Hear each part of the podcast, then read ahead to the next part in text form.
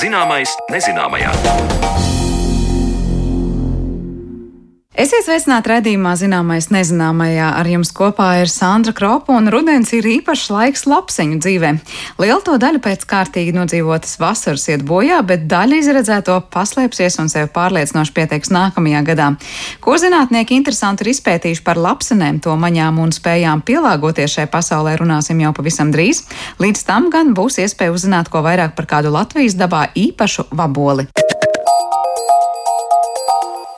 Lapseņu dzīves nianses izzināsim jau pavisam drīz, kad raidījumā viesosies entomologs Valdemārs Spunģis, bet nu laiks doties līdzi manai kolēģei Zanē Lācē, kura dabas pazinējusi ir izvaicājusi par vaboli, ko Latvijā neviens nebija redzējis pēdējo pusgadsimtu. Eiropas lielākās vaboles gods pienākas dižajai priežvabolei. Tēviņu apmēri ir no 4 līdz 8 cm, mātītes no 2 līdz 6. Šie kukaiņi mīt arī Latvijas dabā, un šovasar plašsaziņas līdzekļos parādījās sensacionāla ziņa par dižās briežvaboles atradumu Dobeles pusē. Sensacionāli tāpēc, ka pēdējo reizi šāda vabole bija redzēta pirms 50 gadiem. Kāds ir šīs vaboles dzīvesveids, tās nozīme dabā un kā tā liek lietā savus ragus, jeb pareizāk sakot, žokļus, par to turpmākajās minūtēs attālināti ierakstītā intervijā stāsta entomologs, Daugopils universitātes vadošais pētnieks Dmitrijs Teļnovs. Viņš kopā ar kolēģiem šovasar ieradās apsekot teritoriju, kur šī vabola tika atrasta. Izrādās šie brangie kukaiņi, augstot pēc ierūgušas ozola sulas, spēj nekļūdīgi atrast kāroto koku, gluži tāpat kā rūtīti alkoholiķi, nonākot nepazīstamā ciemā, atrod tuvāko krogu. Vabole tika atrasta jūlijā. Tā vabola ir tēviņš, liels tēviņš, pieaugušs tēviņš, superīgs, skaists. Parasti tad, tad uh, dižās briežvāboles aktivitātes periods ir jūnijas, nu, tā kā jūnija vidus, jūlija vidus, tātad vasaras pirmā puse. Vismaz uh, mūsu Eiropas uh, daļā, nu, kaut kur tuvu pie Baltijas jūras. Tad, tad aizbraucot uz to atraduma vietu, nu, faktiski nebija izredzu atrast divus eksemplārus. Jo nu, jūlijas, jūlija otrā puse pavēlīja. Bet otrs moments ir tāds, ka apsekojot šo atradnes vietu, man kļuva skaidrs, ka tā briežvabole, kas tur tika atrasta, faktiski viņa ir atlidojusi no kaut kurienes. Un um, dieziņ vai viņa attīstījušies turpat tajā vietā, kur viņa tika atrasta. No kā ir tādi secinājumi? Tātad vispirms dižā briežvābole droši vien jāsaka tā, ka kāpuriem attīstoties piecus gadus, kapurī lieli, patiešām resni, tādas kā mini desiņas, tādi pamatīgi kapuri. Viņi uzkrāja daudz barības vielu. Un tā vabole ir aktīva dažas nedēļas, un uh, faktiski viņai pietiek tauku ķermeņu, ko uzkrāja piecos gados kapuri, un viņai pat nemazam nevajag baroties vai ēst kaut ko. Bet Dižās briežvāboles gan tēviņi, gan mātītes ļoti kāri uz rukstošu ozolu sulu. Ja viņi jūt ozolu tekošu sulu, tad viņi atlido vai atrapo no diezgan liela attāluma. Jo tā oža viņiem ļoti labi attīstīta. Un tad viņi mielojas, var dzert to ozolu sulu. Un uh, tie divi ozoli, kas tajā Latvijas uh, dižais briežvāboles atradnes vietā ir, tur ir tikai divi koki, resni pamatīgi veci, bet divi. Viņiem var redzēt plaisas un var redzēt uz stumbriem melnas pēdas no rūkstošas sulas, kas kādreiz tecēja, nu, droši vien jūnijā vai jūlijā sākumā. Tātad vabola visdrīzāk no kaut kurienes atlidoja, kad jūta šo rūkstošo ozolu sulas smaržu.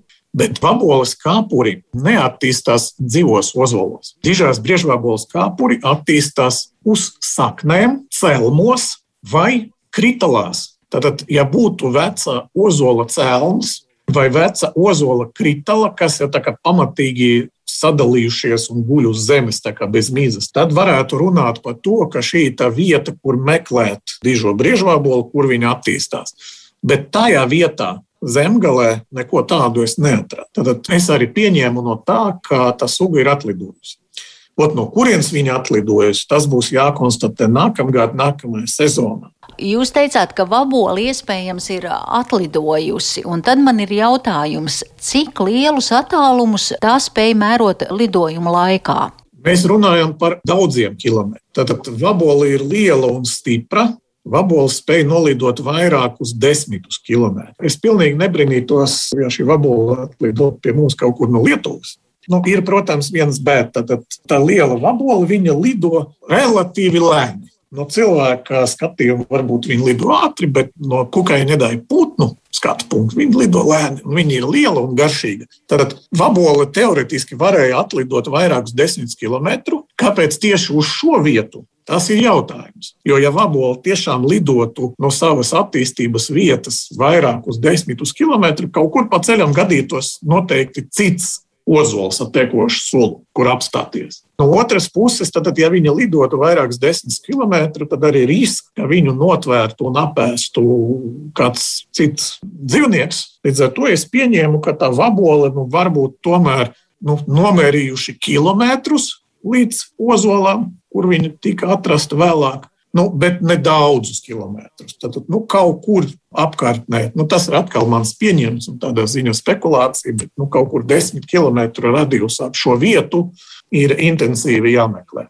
Dižā briežbabole gan Latvijā, gan visā Eiropā ir apdraudēta suga un ir iekļauta īpaši aizsargājamo sugu sarakstos, jo arī šīs vaboles dzīves vieta ir reta. Tā ir platlapju koku atmirusī koksne. Šie lielie vecie koki ir gan nozīmīgi mūsu zemes kultūra ainavā, gan arī kalpo kā dzīvotne daudz un dažādiem kukaiņiem, sēnēm un ķērpjiem. Tātad šīs sugas konstatācija Latvijā vai nu, atpakaļ atrašana Latvijā tagad mums uzliek arī papildus pienākumus uh, apzināties šīs sugas vajadzības, noskaidrot izplatību un uh, izstrādāt priekšlikumus sugas aizsardzībai Latvijā. Sakiet, vai tas nozīmē, ka izzūdot tādiem lieliem veciem kokiem, arī šī minētā briežvaboļu suga ir uz izmiršanas robežas? Manuprāt, tomēr atbilde slēpjas klimatā vai mikroklimatā. Man šķiet, tam iemesls tomēr nav tikai biotopu vai dzīvotņu trūkums, bet tas fakts, ka šeit pa tātad, mūsu reģionu, kas ir robeža starp boreāliem mežiem un platlāpju mežiem, iet tā dabiska dižās griežvāboles izplatības robeža. Un tā izplatības robeža tad ne tikai dēļ teiksim, to piemēroto veco atmirušo platlāpju koku trūkumu, bet visdrīzāk tas tomēr saistīts ar kaut kādām klimata īpatnībām. Jo vairāk, jo šīs sugas kāpuri attīstās līdz pat pieciem gadiem. Un tātad tiem kāpuriem, lai izaugtu, nepieciešams ne tikai barības resursi, tātad proti tā koksne, bet arī pozitīvo temperatūru summa. Tātad silto vai vasaras mēnešu garumam jābūt noteiktam, lai tas kāpurs paspēja katru gadu uzņemt pietiekami barības vielu, tātad izaugt un pārziemot. Un tas varētu būt viens iemesls, ka ziema pie mums būtu pa garu šai sugai, ka kāpuri nepardzīvo, bet tā atkal ir tāda nu, mana spekulācija. Briežbabolis savu nosaukumu ir ieguvušas pamatīgo žokļu dēļ, kas atgādina brieža ragus, un gluži tāpat kā brieži riesta laikā savstarpējā cīņā par mātītes uzmanību liek lietā ragus, to ar saviem žokļiem dara arī šīs vaboles. Šie ragi, ja tā var teikt, pēc būtības ir uh, tikai tēviņiem, briežvābols tēviņiem. Un uh, tie ragi ir nekas cits kā žokļi. Matītei žokļi ir īsi, un uh, nu, tādu ragveida izaugumu dižās briežvābols matītei nav. Savukārt tādi ragi īsti ir tikai lieliem tēviņiem. Izmēra mazākiem tēviņiem, kuru kāpuriem attīstības ciklā gaitā pietrūcis vai nu barības vielu, vai nu vietas, kur augt attīstīties, varbūt tas jau pieminētas pozitīva temperatūras summas. Rezultātā izaug krietni īsāki ragi. Viņi, protams, būs garāki kā mātītei, bet nu, relatīvi īsi un tieviņi. Un šo ragu galvenās funkcijas ir faktiski divas. Pirmais, ka dižās briežvāboles tēviņš diezgan aktīvi, teiksim, pārošanas periodā diezgan aktīvi meklē un, kad atrod, cīnās par mātīti un aizsargā mātīti. Tad atbaida citus tēviņus konkurentus, kas vēlotos pāroties ar to mātīti. Un žokļi tiek izmantoti ciņai. Žokļi viņi ir stipri diezgan. Tad, kad divās vaboles savā starpā cīnās, parasti viņas atvēras ar ragiem. Un tā, kur ir stiprākā, norauj savu konkurentu no zara un nomet zemē, reizēm no liela augstuma. Un reizēm sanāk tā, ja vienām no tiem tēviņiem nepaveicās, tad kāds satvēra konkurentu nevis aiz ragiem, bet aiz ķermeņa. Un tad tiem ragiem ir šāds spēks, ka viņi pārdur to cieto vaboles ķermeni, sēkspārņus un vederiņu, pārdur un faktiski nogalina to konkurentu. Ja dižo briežvaboli paņem rokās teviņu un matīti un ļauj nu, iekos nosacīt pirkstā, matītei kodienas būs stiprāks nekā teviņa. Jo viņai ir īsie žokļi, tātad pēc fizikas likumiem tas satvēruma kodienas spēks ir lielāks nekā teviņam viņa lieliem žokļiem. Bet arī tēviņš kā, pirkstu paņems rokļos vai ragos, ja tā kā nu, maz neliksies. Tad nu, tu savs stiprums tur ir.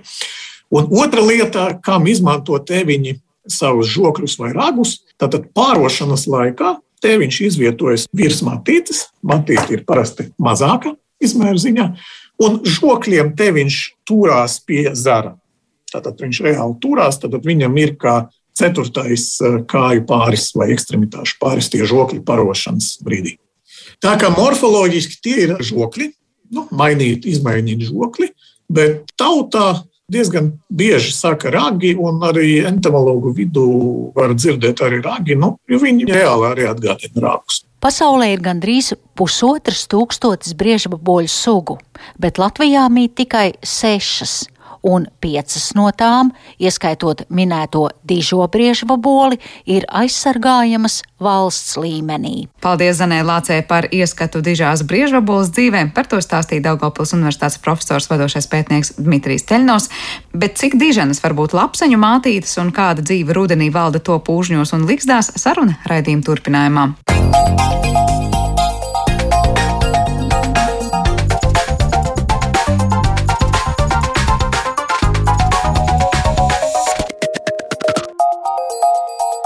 Zināmais nezināmajā. Viens no kukaiņiem, kas vasarās un rudenī neatstāja vienaldzīgus daudzus no mums, ir lapsenes. Neviens vien norādījis, ka šogad tās manāms īpaši daudz, un tas mudināja mūs raidījumā pievērsties to izzināšanai un noskaidrot gan to, vai patiešām šogad lapsenes ir bijušas aktīvākas kā citkārt, gan to, cik vispār izzināt ir šo kukaiņu dzīvi. Un, lai par to visu runātu, uz sarunu esam aicinājuši entomologu Valdemāru Spunģi. Sveiks, Valdemār! Nu, sveiki! Vai tiesa, ka šogad, ja mēs runājam par lapsiņu aktivitāti, tās bijušas varbūt izteiktāk redzamas, jūtamas un varbūt arī agresīvāk noskaņotas kā citu gadu? Es domāju, šis gads ir diezgan normāls ir ar visām tām pārvērtībām, ko lapsenis veids sezonas laikā. Un, Viņas ir patiesībā tikpat daudz, cik pagājušajā gadā. Es kaut kā neievēroju, ka viņas būtu krietni vairāk. Jā, nu, laikam tas tās tīri subjektīvi liekas katram, kuram varbūt mājas tūmā vairāk ir bijušas, vai vairāk ir vienkārši izdevies redzēt, tad tāds novērums ir. Tad ar lapsinēm šogad viss ir kārtībā. Bet uh, jautājums par vispār to viņu nu, dzīvo aktivitātes ciklu. Uh, es saprotu, ka rudens ir tas laiks, kad lielākā daļa lapseņu ies un iet bojā, un tad var teikt, kaut kādas izdzīvos līdz nākamajam gadam. Vai kāds ir tas gada griezumā lapsenes mūža cikls? Nu, gada griezu mēs varētu paņemt uh, no šī brīža.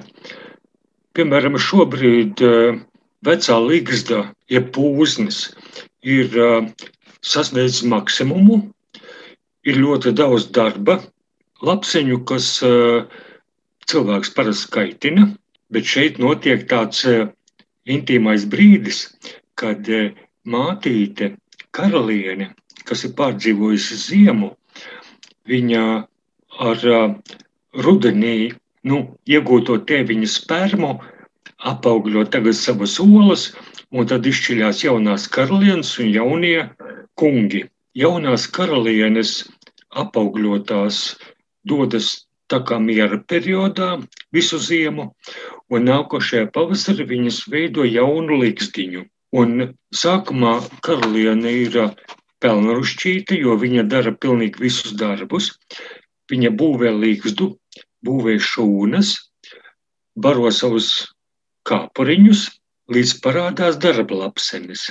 Nu, viņa izaudzē darba lapsenes, un darba lapsenes patiesībā ir mātītes kloni, jo viņa tās olas dēļ no neapaugļotām olām. Tas nozīmē, ka darba lapsenes ir mātītes kloni.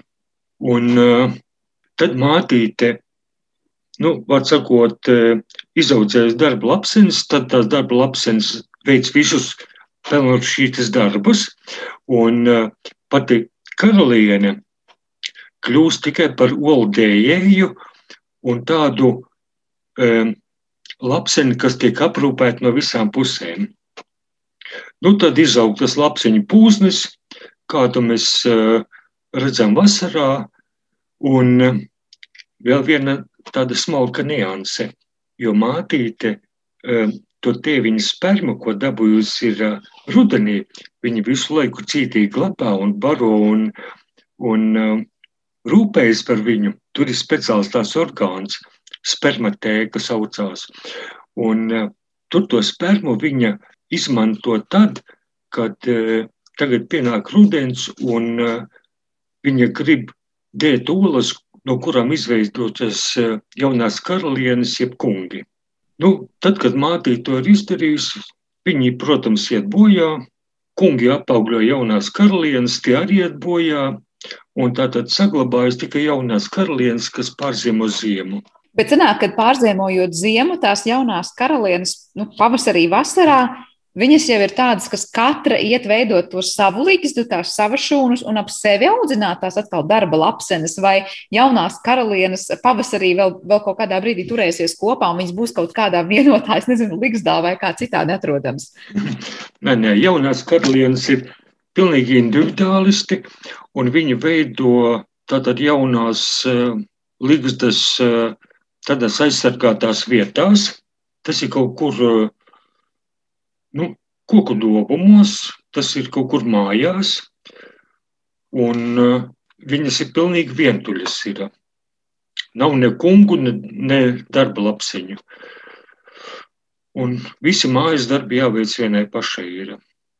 Kurā brīdī tad ap to jauno karalieni izveidojas jau tā darba kolonija, kas viņu apkalpo? Tas ir kaut kāds vasaras jau sākums vai vidus?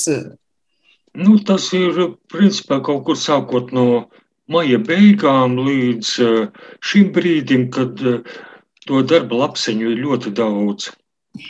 Ar tiem kungiem, kurā brīdī parādās tie lapseņu tēviņi, ja jau tā karaliene ap sevi izaudzē šīs darba lapsenes, kas ir tātad tās karalienes kloni, kā tikko minēja, kurā brīdī tur iesaistās tas tēviņš un kur viņš visu laiku ir bijis? Nu, viņš, tēviņš visu laiku ir bijis tajā mātītes tajā speciālajā orgānā, spermatēkā, kur ir tie spermatozoīdi. Un apmēram šajā laikā parādās nu, noteiktā apaugļošanās, kad izveidojās gan jaunās karalienes, gan tēviņi, un kuri, atsakot, nodrošina gēnu apmaiņu. Un piedāvām tur ir tā, ka vienā saimē var būt uh, tikai mātītes, otrā saimē tikai tēviņi. Un, uh, lai nenotiktu tā imbrīdings, respektīvi uh, tā radnieku krustošanās, tad uh, Parasti tēviņi nepārojas ar tām mātītēm, kas ir no vienas līgstas. Tagad, stāstot par to, kādas ir tās darba lapsenes un karalienes un tēviņi, liekas, cik daudz lapsenēm ir kopīgi tajā dzīves un darba organizēšanā ar bitēm? Viņām ir ļoti daudz kopīga, tikai atšķirība tā, ka lapsenes dzīvo vienu gadu, bites ir vairākus gadus. Un lapsenēm, tāpat kā bitēm, ir darba dalīšana. Nu, labi, kad mātīte viena, tad tur darba dalīšana nav, bet kad ir um, darba lapsenes, darba sirseņi, tad uh, viena ir mātītes aprūpētāja, citā, cita ir um, barotāji un citi ir apsargi. Un viņiem ir īpatnēji tas, ka viņu to dzīvi nosaka uh, smaržiņas dažādas. Nu, mēs viņus saucam par feromoniem, ja? kur mātīte izdala savas smaržas, kas piesaista visu darba. Jaunās karalienes izdala savas smaržas, kas piesaista jaunos tēviņus. Ir trauksmes smaržas, kas liek visai saimei sarosīties un doties pretī uzbrucējiem. Nu, piemēram, tur kaut kāds putns, jau varbūt pat cilvēks. Tā kā visu nosaka tādi ķīmiskie signāli, ja, kas ir šo kukaiņu starpā. Jā, ķīmiskie signāli, un piedāvā viņam vēl svarīgi ir arī savstarpējā saskarsme. Tāpat kā cilvēkiem, ja, jo viņi saskarās ar eh, taustekļiem un eh, tādējādi atpazīst viens otru. Eh, tu pieminēji šīs bites, eh, izņemot, protams, to, ka dzīvo vienu vai vairākus gadus, bet liekas, ja jau tik daudz kā kopīgi ir arī šajā organizēšanās nu, veidā. Eh, kāpēc lapsenes nevāc medu? Varbūt var likties muļķīgs jautājums, bet uh, gribu saprast, nu, kāpēc bites vāc un lapsenes nē? Anna redz, bitēm tas medus ir vajadzīgs ziemošanai, ir, jo viņas ziemo un ziemā vajag patērēt kaut kādu, nu, um, kalorijām bagātu barību. Lapsenis dzīvo nu, vienu sezonu, tā līgsta, un viņiem vajadzēs galvenokārt obaltumvielas, lai izaudzētu savus kāpurus. Un tieši tāpēc lapsenis ir patiesībā ir plēsoņas, plēsoņas visādāji, jo viņiem kāpuri jābaro ir ar obaltumvielām. Bites dara to pašu, bet viņu obaltumvielas iegūst no uh, putekšņu un nektāra maisījuma, respektīvi bišu maizes. Tur ar obaltumvielas ir. Ja mēs nonākam pie jautājuma par šo lapsiņu barību, es domāju, nu, tie, kas biežāk ir redzējuši lapsenes, nu, mielojamies ar kaut ko liekas, nu, tātad grib pie kāda ievārījuma vai pie kāda ābola, vai tāpat dažkārt liekas rudenī spiežot ābolu sulu, liekas, nu, tur jau tajās izspiedās daudz nekā vairs nav, bet lapsenes tur spieto. Kas ir tas, ko tad meklē šajās vietās lapsenes, un kas tur tām varētu būt tas noderīgākais? Nu, bez olbaltumvielām lapsenēm vajadzīgs ir cukuri, orhidrāti, kas ir nepieciešami lidošanai. Bites iegūst no nektāra, bet lapsenes iegūst no saldiem augļiem, no tur, kur ir cukurs, respektīvi.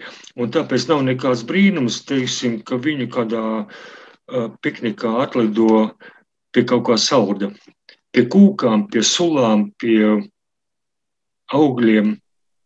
Un, jo, respektīvi, lidošana ir enerģētiski ļoti nu, tāda prasoša, ir, un tur vajadzīgs tieši cukurs, ir, nevis olbaltumvielas. Bet tas nozīmē, ka, nu, lai lapsene nosēstos tieši uz pareizā saldākā, varbūt barības objekta, e, viņu labākā maņa būs kas, cik labi ir attīstīts, nezinu, noža vai kā citādi, pēc kā vadās, piemēram, nu, lapsenes atrodot to savu barību.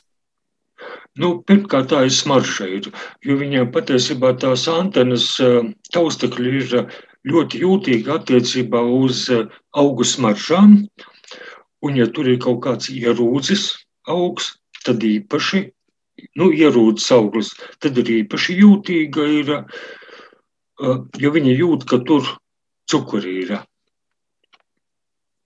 Kā ar orientēšanos telpā un visā pārējā, kā tur lapsenis ir ar kaut ko ievērojams vai salīdzinoši nu, tādu vienkārši radījumu?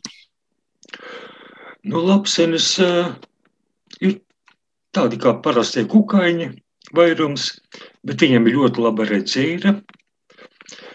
Un uh, viņa ir tā, ka viņa ļoti labi orientējās telpā pēc dažādiem orientieriem, jo viņa aizlido no Līgstas kaut kur līdz pat kaut kādiem pāris kilometriem, un pēc tiem orientieriem viņa var atgriezties savā Līgsdā atpakaļ. Tā ka viņām patiesībā ir uh, ļoti labā atmiņa ir.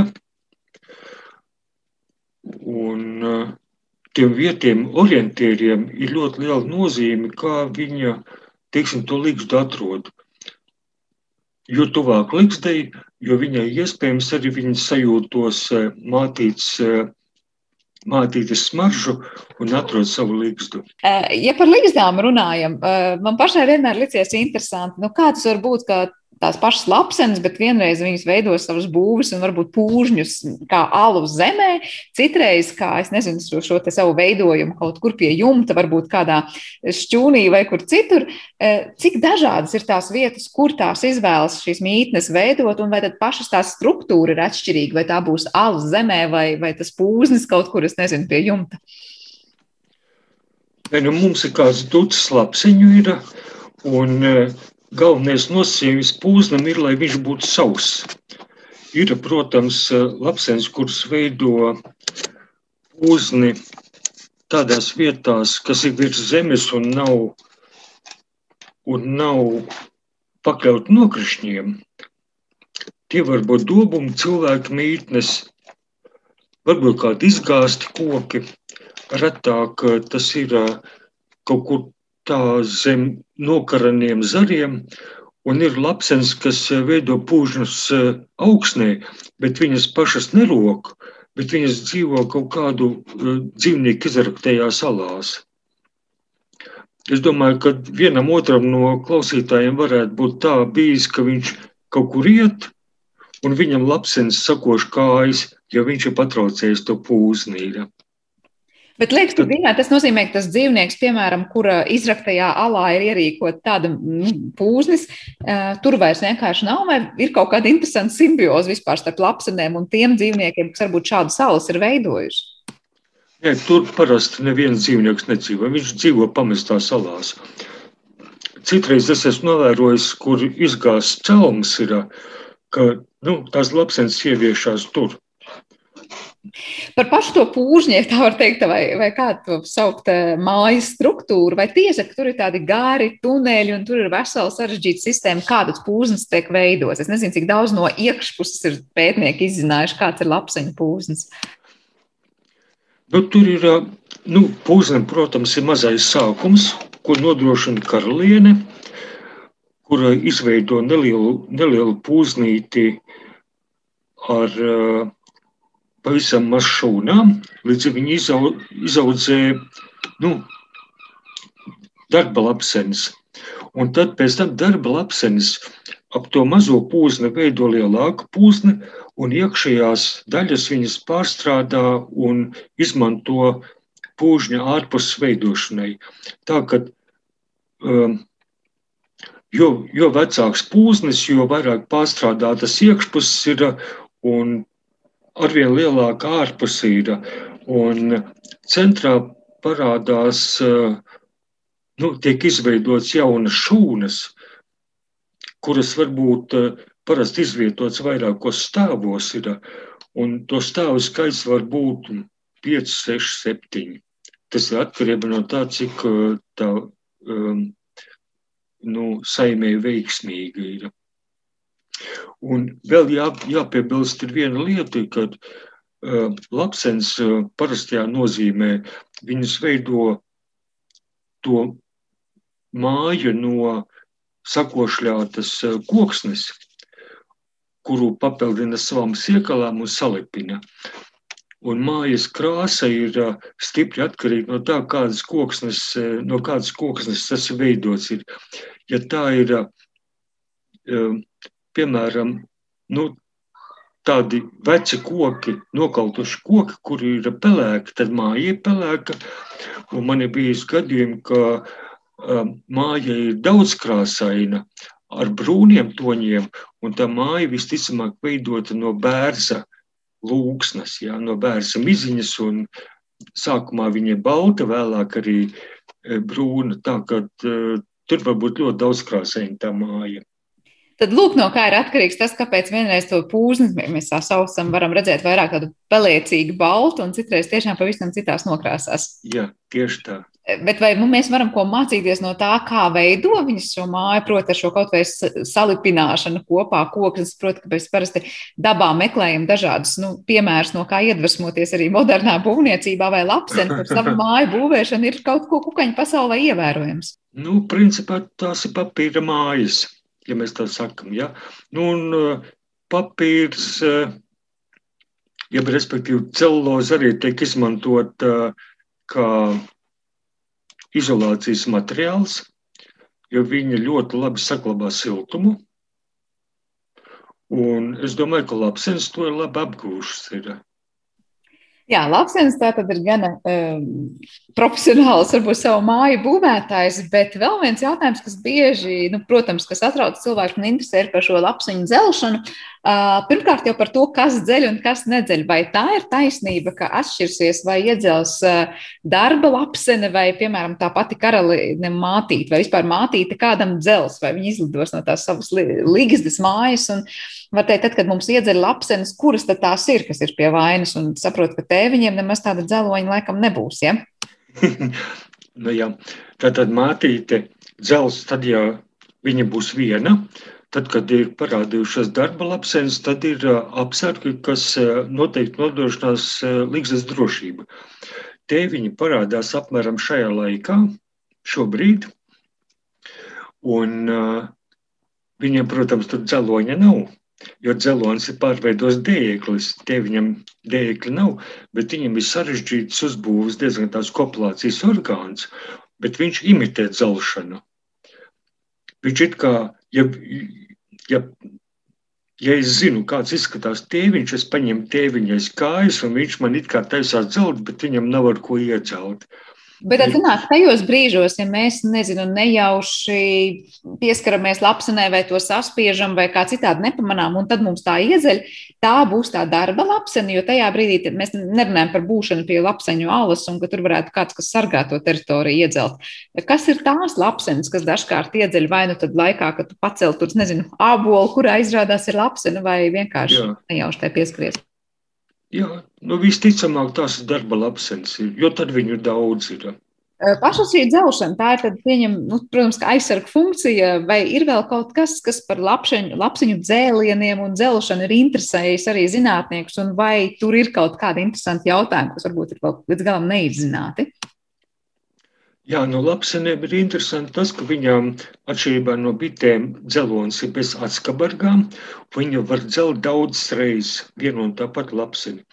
Un viņa katru reizi ievada kaut kādu indes devu. Tā indes deva ir uh, faktiski neirotoksiska, jo viņa paralizē kaut kādas uh, nu, putna zīdītāju šūnas, kas atrodas celšanas rajonā. Bet eh, zinātnieki strādā pie tā, lai šo indi izmantotu arī cilvēku ārstēšanai. Jo, piemēram, bišu indi izmanto ārstēšanai, bet eh, attiecībā uz lapseņu indi ir ļoti maz pētījumi. Ir daži pētījumi, kas, piemēram, lapseņu indi izmanto pret krampjiem piemēram, eps, ep, piemēram epilepsijas ārstēšanai. Tā ka es domāju, tur vēl lielas perspektīvas ir. Un piedāvām Inde sastāv no ļoti daudziem komponentiem, un katram komponentam varētu būt savu kaut kāda īpašā loma, bet tas ir ļoti vāji izpētīts. Tā kā ļoti interesants varētu būt arī pielietojums, nu, no, ja mēs skatāmies, kāda ir šī inde, bet kas notiek ar cilvēku, nu, kad, protams, mums nekas nenotiek, izņemot to, ka sāp pirksts vai roka vai, nu, kur, nu, lapsena ir iedzēlusi uz kaut kādu brītiņu. Uh, bet vai ir atšķirība, vai lapsenis ik pa laikam mūs iedzer, tad mēs kļūstam tā kā imūnāki pret to indi, ko tā ievada, vai katrs lapsenis dzēliens ir mūsu organismam vienāda reakcija, nu, katrā no tām reizēm? Nu, tur ir tā, ka tā kā mums ir dūtas lapsiņi, tad viņām tās indas ir atšķirīgas. Katrā ziņā normālam cilvēkam bez kaut kādām alerģijām tas, protams, izraisīs sāpes, bet ar to arī viss beigsies. Alerģiskiem cilvēkiem, protams, tur ir, nu, tas var būt bīstami, bet ir viens aspekts, ir, ja iekož galvā, iedzeļ galvā, jeb eh, pasaka Dievs kopā ar kaut kādu dzērienu, kaut kādu sulu, ja balu, piemēram, iedzer mutē, tad ir eh, uzreiz ļoti kritiska situācija var būt. Tas saistās ka... ar šo te pampš, nu, pampšanu, vai ne, kas notiek proti kaut kādos alpceļos vai Jā. kā citādāk. Bet ar to pašu indi kā tādu, es nezinu, varbūt tā, ka alerģisks cilvēks kļūst imūns pret lapseņu indi ar laiku, vai, vai tieši pret nē. nē, nē, nevar būt. Man ir lapsenis daudz kārt iedzēlušas, ir, bet imunitāte kā nav, tā nav. Jā, bet kāpēc ir šis izplatītais tautas kaut kāds, es nezinu, paradums vai kā citreiz saka, nu, ja iedzer lapseni, tad vajag ar zemi kaut kā paberzēt šo vietu, vai tur ir kāds pamatojums, kāpēc vispār tā ir tāda, nu, prakse un ko tas mūsu organismā maina? nu, respektīvi, pirmā lieta, kad iedzeļ, tad ir uh, svarīgi to vietu atdzesēt. Un tad paņem arī zemi, un uh, zeme varbūt ir vēsāka, ir, un tāpēc tu to vietu atdzesē. Bet es nedomāju, ka tas būtu labākais veids, jo tur var ienest kaut kādu infekciju arī. Tad patiesībā labākais ir uzreiz dzēsēt kodumu vietu. Ja? Dzes, dzēsēt kodumu vietu, jo tur sākas tūska. Tu vairāk kārt sarunas laikā pieminēji, ka mums šeit ir daudz un dažādas tās lapsenes. Cik Latvijā ir daudzveidīga tā lapseņu pasaule un ar ko tās dažādas sugas atšķirsies cita no citas? Ui, ja runājam par īstajām lapseniem, to, ko tautā tiešām sauc par lapseniem, tad viņas ir diezgan atšķirīgas. Ir pēc vēdera krāsojuma, pēc krūša krāsojuma, un ļoti svarīgi viņiem paskatīties sejā. Ir, jo no priekšas tur, ja paskatās lapseni, viņiem tur dažādas zīmējums ir uz sejas vairoga, un tas ir viens no tādiem galvenajiem, nu, galvenajām pazīmēm, kā viņas noteikt. Bet, ja runājam par lapsenēm vispārīgi, tad viņu ir, es nezinu, cik daudz tie ir simtiem, jo tur ir īstās lapsenes, palapsenes, rapcēja lapsenes, spožlapsenes, krāšlapsenes un tā tālāk. Tā kā daudz ir? Ja? Vairāk tūkstoši. Daudzveidība tiešām ir liela, vai arī par lapsiņu pasauli mēs varam teikt, kā par daudz ko citu pēdējā laikā, ka daudzveidība samazinās un varbūt tām klājas grūti, vai lapsenēm gluži otrādi ir piemēroti apstākļi, piemērotas dzīvotnes, un e, lapsenes nevar šobrīd sūdzēties par kaut kādām nu, populāciju izmaiņām. Nu, uz to es tā īsti nevaru atbildēt, jo, nu, principā, lai atbildētu šādu jautājumu, tad ir nepieciešama nu, pētījuma monitorings. Pie mums tāda nav. Bet mums ir dažas aizsargājamas lapsenes, eh, piemēram, garlūps racē lapsene, kurā vietām ir ļoti daudz, piemēram, Mādeša poligonā, bet citur viņai klājas diezgan slikti. Kā atzīt šīs aizsargājumās lapsenes? Tur būs kāda īpašā pazīme, kas nu, ne entomologam esot ir pamanāmas, vai tas ir tikai ko speciālists noteiks? Nu, tās pazīst tikai speciālists, un tur pārējiem nevajag sasprādzināties. Bet galvenais ir, ja ierauga kaut ko lapsiņu veidīgu, tad nevajag viņu nogalināt. Pamazām noslēdzot šo sarunu, esam nonākuši pie tā aspekta, kāda tad ir lapseņu varbūt vieta un loma tajā kopīgajā ekosistēmā. Parasti mēs runājam par to, ka arī kukaiņu pasaulē tiešām nu, ir daudz kam vieta, un mēs pat dažkārt neapzināmies par to, cik ļoti mums svarīgi ir šie kukaiņi. Kā tu raksturot lapseņu vietu? Nu, lapsenes ir visēdāji. Tātad viņa dara ļoti labu darbu, ka viņa, piemēram, regulē citu kukaiņu skaitu, ieskaitot arī mūsu dārza kaitēkļu skaitu.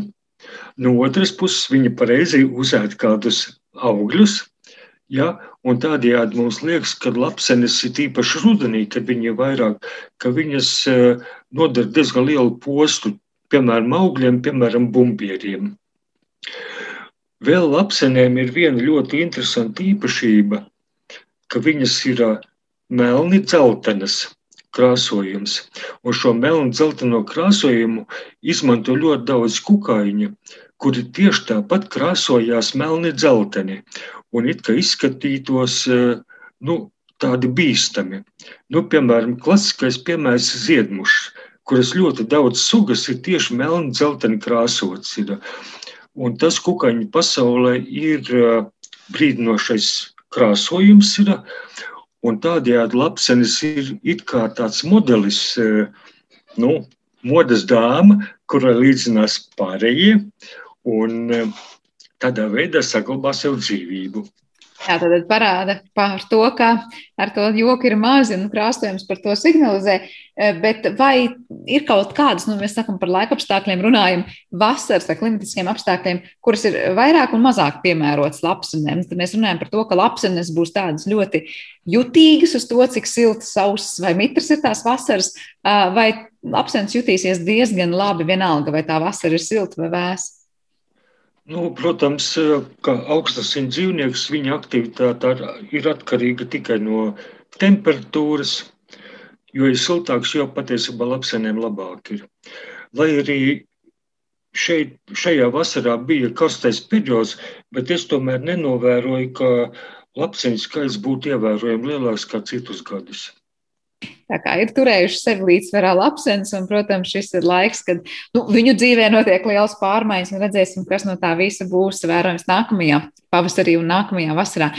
Odamār, teikšu lielu paldies par sarunu un atgādinu klausītājiem, ka šajā raidījuma pusstundā bijām kopā ar entomologu Voldemāru Spunģi, un ar to arī raidījums ir izskanējis. Paldies arī visiem par klausīšanos, un mēs tiekamies jau atkal rīt. Visu labu!